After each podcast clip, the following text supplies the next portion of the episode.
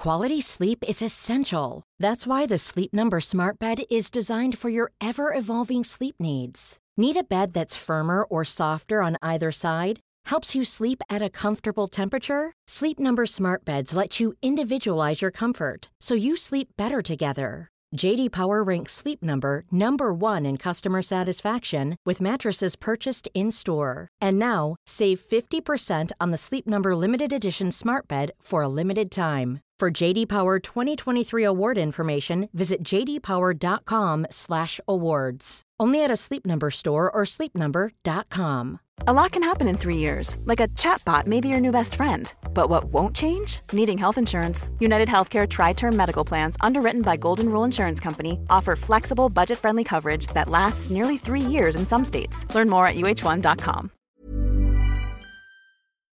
Denne episoden er i samarbeid med Kreftforeningen. Som fast giver til Kreftforeningen er du med på å skape håp og forandre liv. Og det både høres ut og er en stor ting. Men det trenger ikke å være en stor sum for deg. For prisen av bare en og en halv frossenpizza i måneden kan du bidra til forskning, behandling og hjelp til livet med kreft og livet etter kreft. Bare det utgjør en forskjell. Så gjør en forskjell. En og en halv frossenpizza. Du kan selvsagt gi mer hvis du vil, og du bestemmer selv om du gir månedlig, kvartalsvis eller halvårig. Ja, det hele er kjempefleksibelt. Det viktigste er at du som fast giver bidrar til at færre skal få kreft, og at flere skal overleve.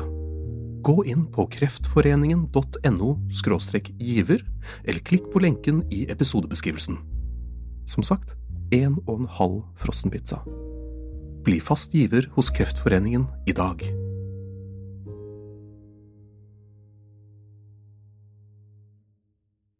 Gjenklang.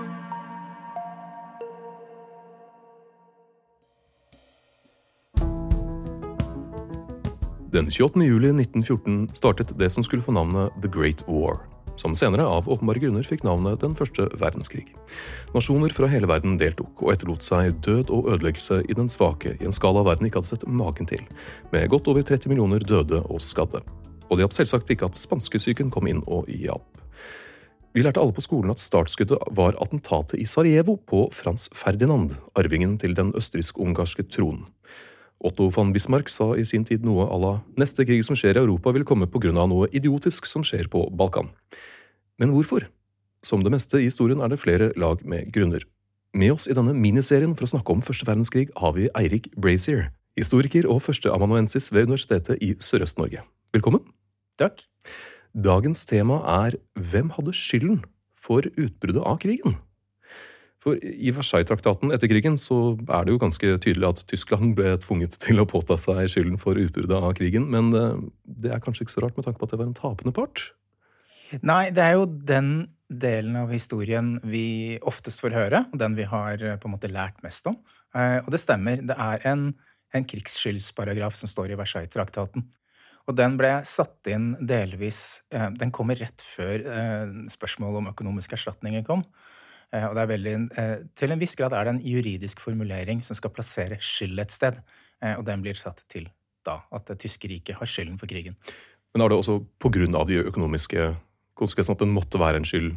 Det måtte være en skyldig part i, i, i dette. og for at, så, sånn at fra britisk, Særlig fra britisk, men også fra fransk side, så ville man plassere skylden et sted, og det ble da Tyskland. Naturlig nok. Ja. Men, men, som du også sier, altså sånn hvem som har skylden, eller hvem som hadde skylden for første verdenskrig, er jo mye mer omdiskutert enn akkurat Versailles-traktaten. Mm. Um, sånn at i motsetning til andre verdenskrig, som vi jo vet har en veldig klar skyldig utløsende part uh, og aktør, uh, så har kanskje ikke den første verdenskrig sånn umiddelbart en, en åpenbar uh, skyldig part som forårsaker krigen. og det må jo også sies at dette her er også noe som de krigførende partene faktisk begynte å krangle om nesten før krigen var i gang. Mm. Eh, sånn at eh, vi kan si, og, den tar seg veldig opp eh, etter krigen også, eh, hvor, hvor, de ulike nasjonene på en måte beskylder hverandre for å være skyld i at krigen bryter ut. ja.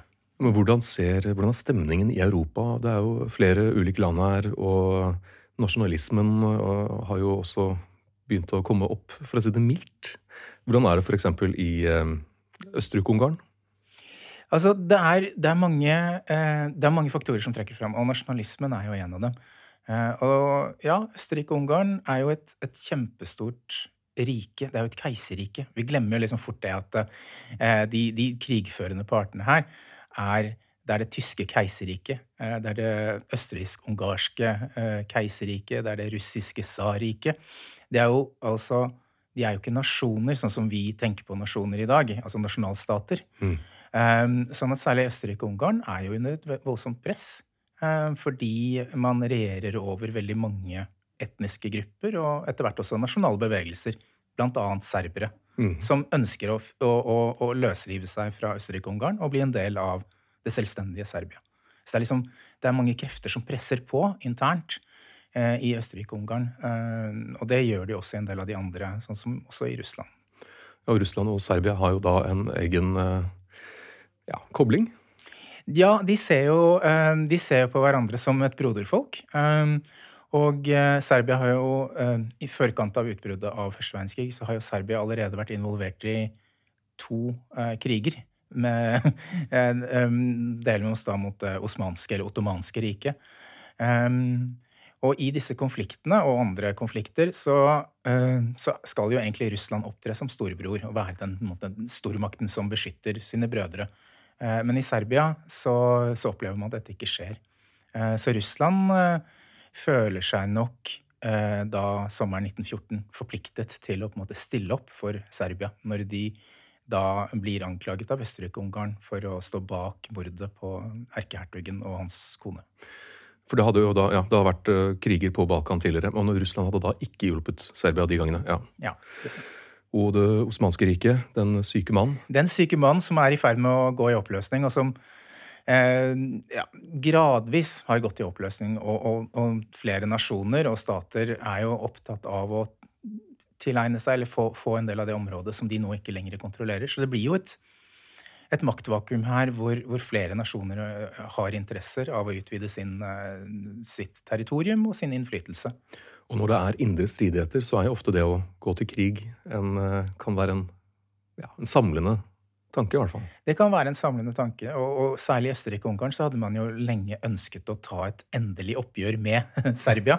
En formulering som, som vi dessverre kjenner igjen fra, fra senere også. Eh, eh, og så man så jo på en måte at attentatet altså eh, var en gyllen anledning eh, og, til, til, å gjøre det.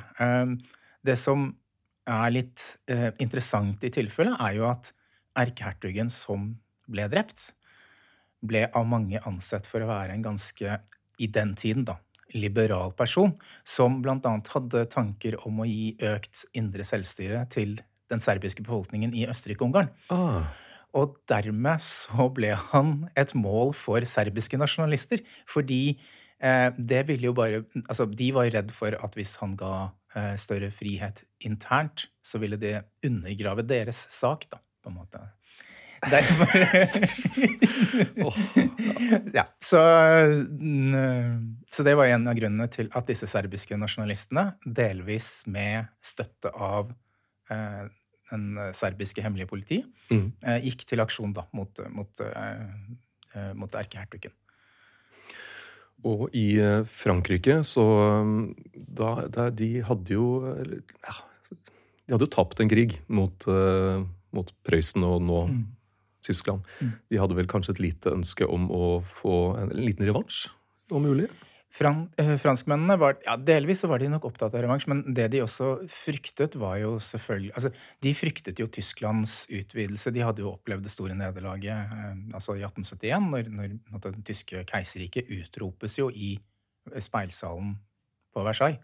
Etter at eh, da Tyskland er samlet, etter at de har beseiret Frankrike i denne fransk-prøyssiske krigen. Um, og det man i Frankrike fryktet, var jo nettopp det at uh, Tyskland skulle alliere seg med andre stater. At Frankrike på den måten skulle bli stående igjen alene. Um, men det er en sånn innboende eller sånn, Det virker da som det, dette er en frykt som vokser frem i flere land. Og vi får disse alliansene, disse maktblokkene, som stadig vekk, eller stadig vekk, men de vokser fram i Europa. Mm.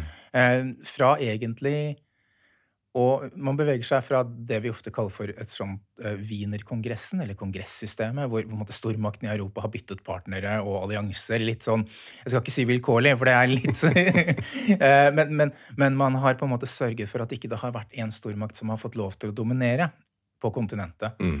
Uh, men så ser vi at fra slutten av 1800-tallet og fremover så, så, så, så stivner disse blokkene mer fast. Det blir ikke den samme utskiftningen. Og da ser man at uh, Russland og Frankrike finner i større grad sammen, og Tyskland og Østerrike, og da også med delvis Italia, finner sammen i sine blokker.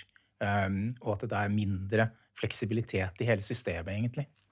Ja, for uh, Bismarck hadde jo vært veldig opptatt av å holde, ja, holde Europa i sjakk. da, At de ikke skulle sånn, var opptatt av å eh, ikke få en mulig tofrontskrig og være venner med, med, Russland og ja, isolere Frankrike, kanskje. Men han, eh, han mister jo rollen sin når en ny konge kommer, eller keiser kommer. Ja, han mister, han mister jo rollen sin og, og, blir på en måte spilt ut. Og, og, og, i tillegg til at den nye keiseren og også andre politikere på en måte begynner å se at her er det et mulighetsrom. Eh, så utfordrer man jo nettopp det, den, den eksisterende politikken. At, eh, at man, eh, man, lenge har på en måte sett at en, eh, for å unngå at Tyskland skal havne i en situasjon hvor man har fiender på begge sider, da, både i øst og i vest, så må man, så, så må man på en måte sikre seg en, en allianse, da. Hadde den bølgen av revolusjoner som ble slått hardt ned på, hadde det noe betydning for for på en måte nasjonalidentitetsoppbygningen i de ulike landene? Det er jo en, det er en gryende frykt for uh, skal vi si, arbeiderklassen, eller den revolusjonære delen av arbeiderklassen, egentlig i alle europeiske stater. Um, den, den, den, ligger jo til en viss grad der, og, men samtidig så står også nasjonalismen så sterkt i flere land at, at den, i hvert fall i 1914, da, overdøver på en måte enhver form for ideologisk klassetilhørighet. Eh, fordi en av de tingene f.eks. Eh, man i de radikalere hjørnene hadde håpet, var jo nettopp det at arbeiderne på en måte hadde lagt ned våpnene sine og ikke på en måte sluttet opp om krigen. da. Mm. Eh, men i Tyskland for eksempel, så ser vi jo det at sosialdemokratene slutter like ivrig opp da, om krigen når den kommer i seinsommeren 1914. Og, og det skjer jo også i flere andre europeiske land. Så alle, alle er med? Alle er med, ja. Mm. Hvordan står det til i England? Der, de vil jo isolere seg en liten periode der, i hvert fall.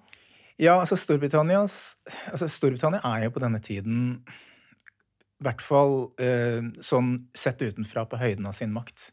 De, de, jo, de har et britisk imperium som, som, som kjent eh, altså regjerer over en fjerdedel av, av, jordas landområder og befolkning, og ønsker til en viss grad å holde seg utenfor europeiske konflikter, i hvert fall på kontinentet, eh, så ønsker de på en måte å holde en viss avstand. Eh, men de ser jo også at eh, de er delvis redd for Tyskland, og ikke minst når Tyskland begynner å sine mange sånne flåteprogrammer, altså bygge store, store marinestyrker, f.eks. Mm. Så, så, og det er jo på en måte en grunnpilar i, britiske, i det britiske imperiet.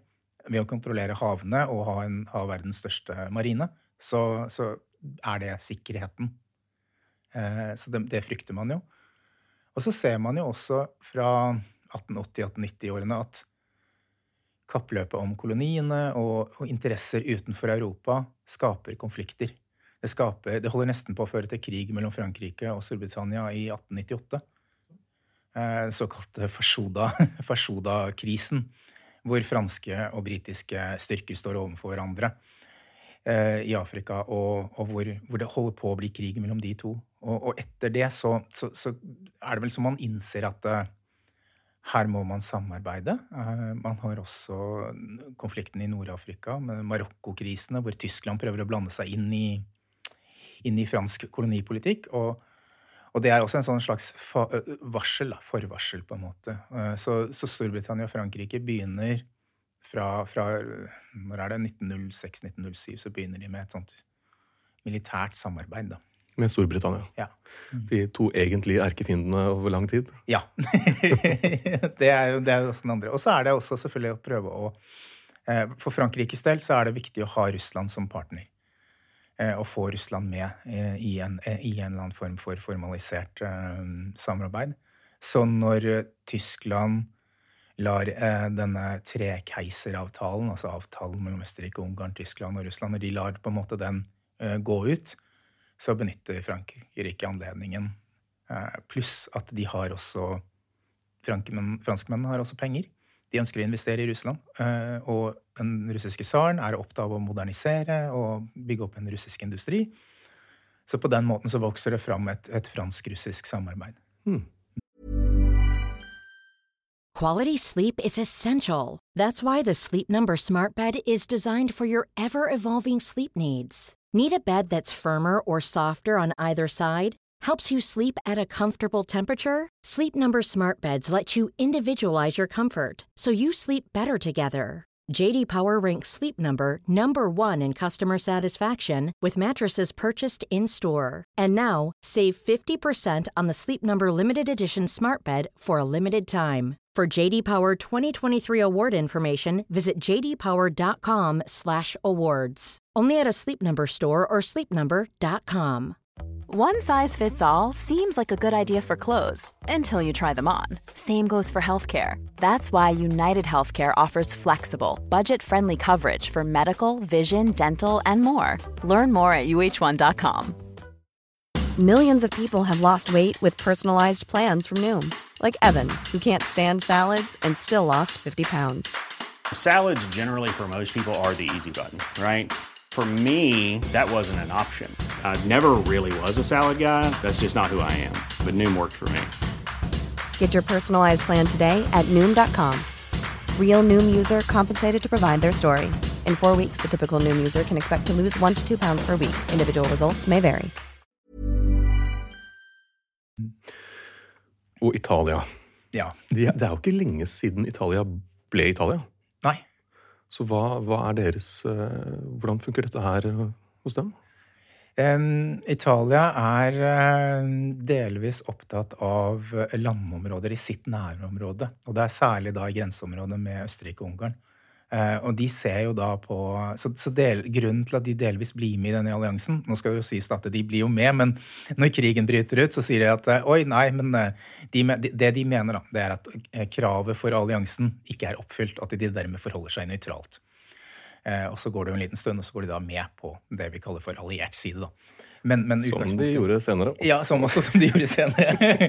men utgangspunktet er at de har, de har geografiske eller sånn landinteresser da, i området. Mm.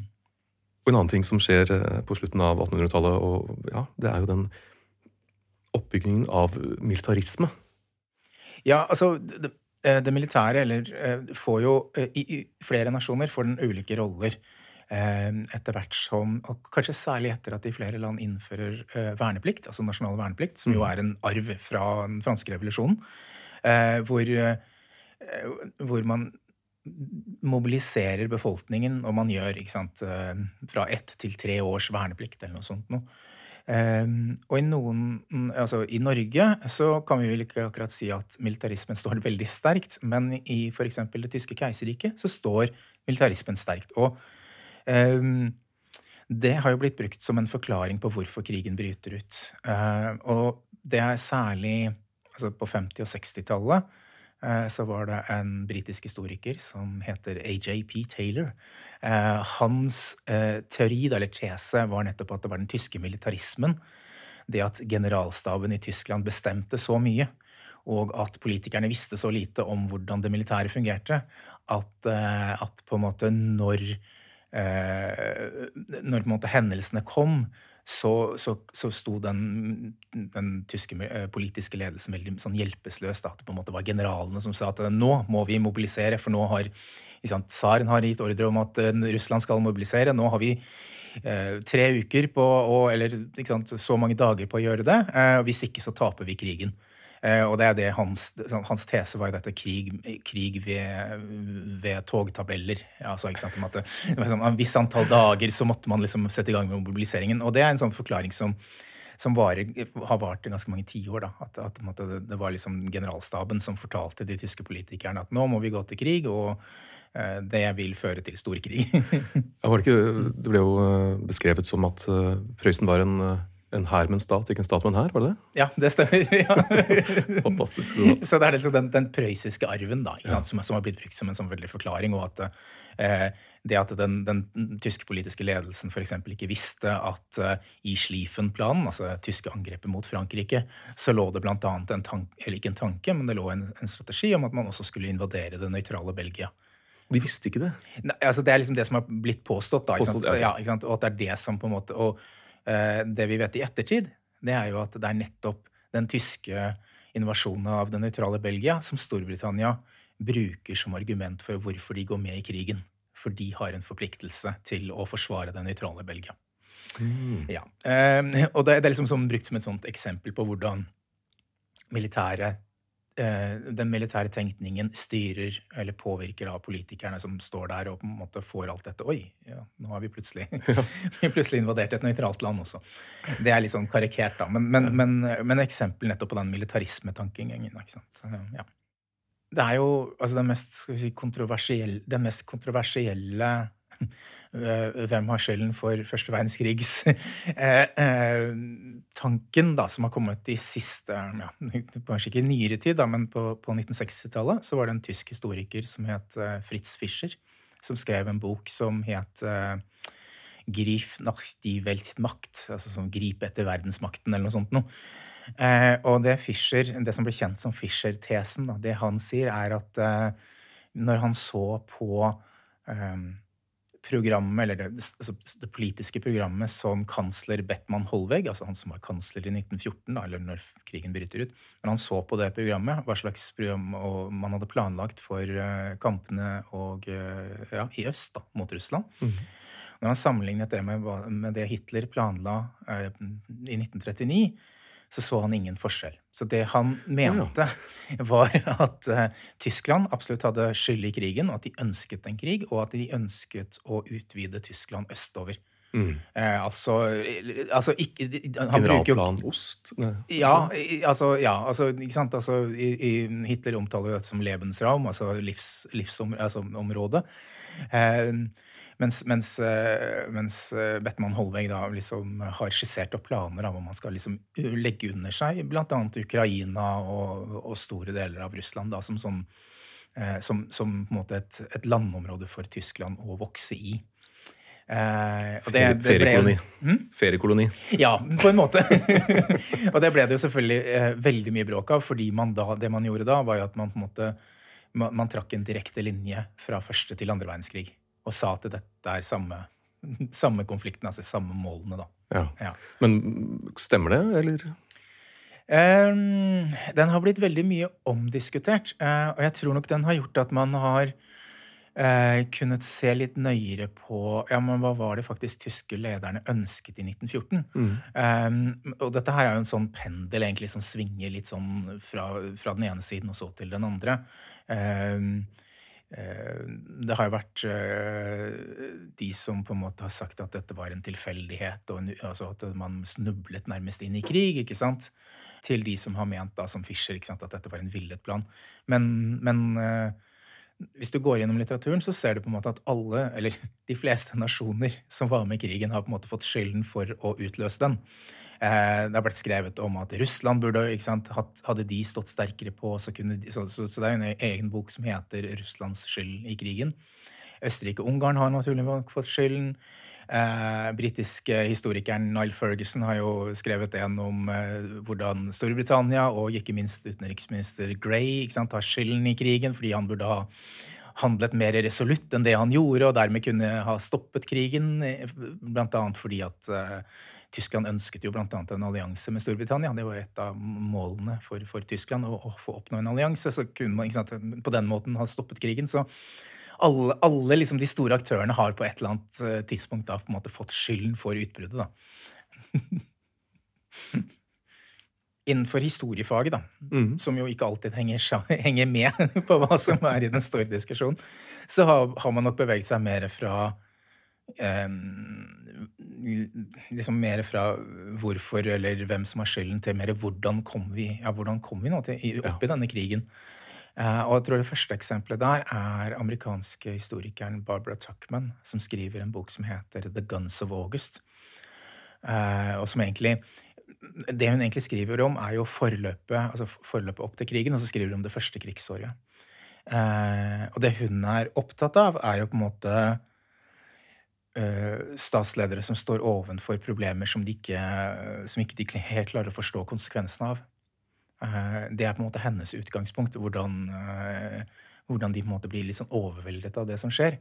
Eh, det som er interessant med henne, er jo det at den boken var så inspirerende at eh, president eh, Kennedy leste den jo. Og ga den til sine, visstnok, da, til sine statsråder. Og, og, ba dem om å lese den, fordi det var veldig mye viktig å lære av den. Og dette skjedde jo da rundt Cuba-krisen, hvor han måtte, opplevde å stå i litt av den samme situasjonen. Da. Noen... Hvordan unngå verdenskrig. Hvordan unngår man verdenskrigen, ja. det var interessant. Ved å lære av den forrige. Og, så, så, det, og, og, også kanskje den mest sånn siterte nyere boken, er jo uh, Christopher Clark sin The Sleepwalkers. Som jo ligger litt i tittelen. Han er også opptatt av hvordan, ja, hvordan havnet man her? Ja. Altså, altså, at man måte, i litt sånn søvngang gikk, kommer inn i denne, ja, inn i denne konflikten. At uh, den er, den er, ganske sammensatt av ganske mange forskjellige faktorer. Uh, og at man ikke kanskje lenger bør være så opptatt av Tyskland som, som den skyldige partneren her, men at det er mange aktører, mange faktorer, som, som fører til at vi får en krig i 1914. Så svaret på spørsmålet eh, vi startet med, er egentlig tja Mange, de fleste kanskje Det var bare ja, en, en haug med ulike ting som eh, skjedde, og man snublet kanskje litt inn i dette her. Og alle parter har en finger med i spillet? Ja, jeg tror, jeg tror eh, en av hovedkonklusjonene, en av, en av konsekvensene, de litt sånn langsiktige konsekvensene av første verdenskrig, det er jo nettopp det at det vokser fram et internasjonalt eh, samfunn, og ikke minst et system hvor stater kan møtes og løse, og forsøke da, å løse sine konflikter på en fredelig måte.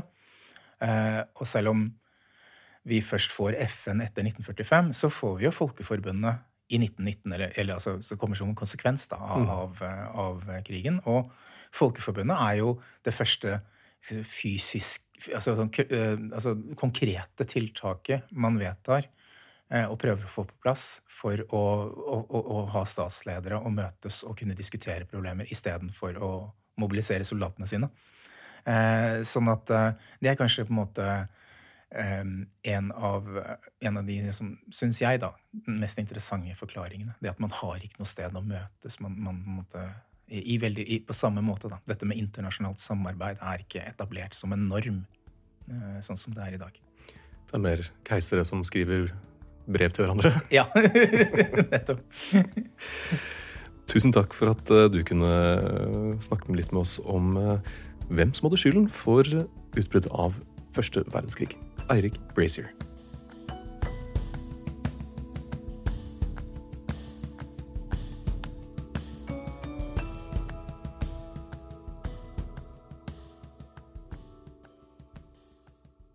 Gjenklang.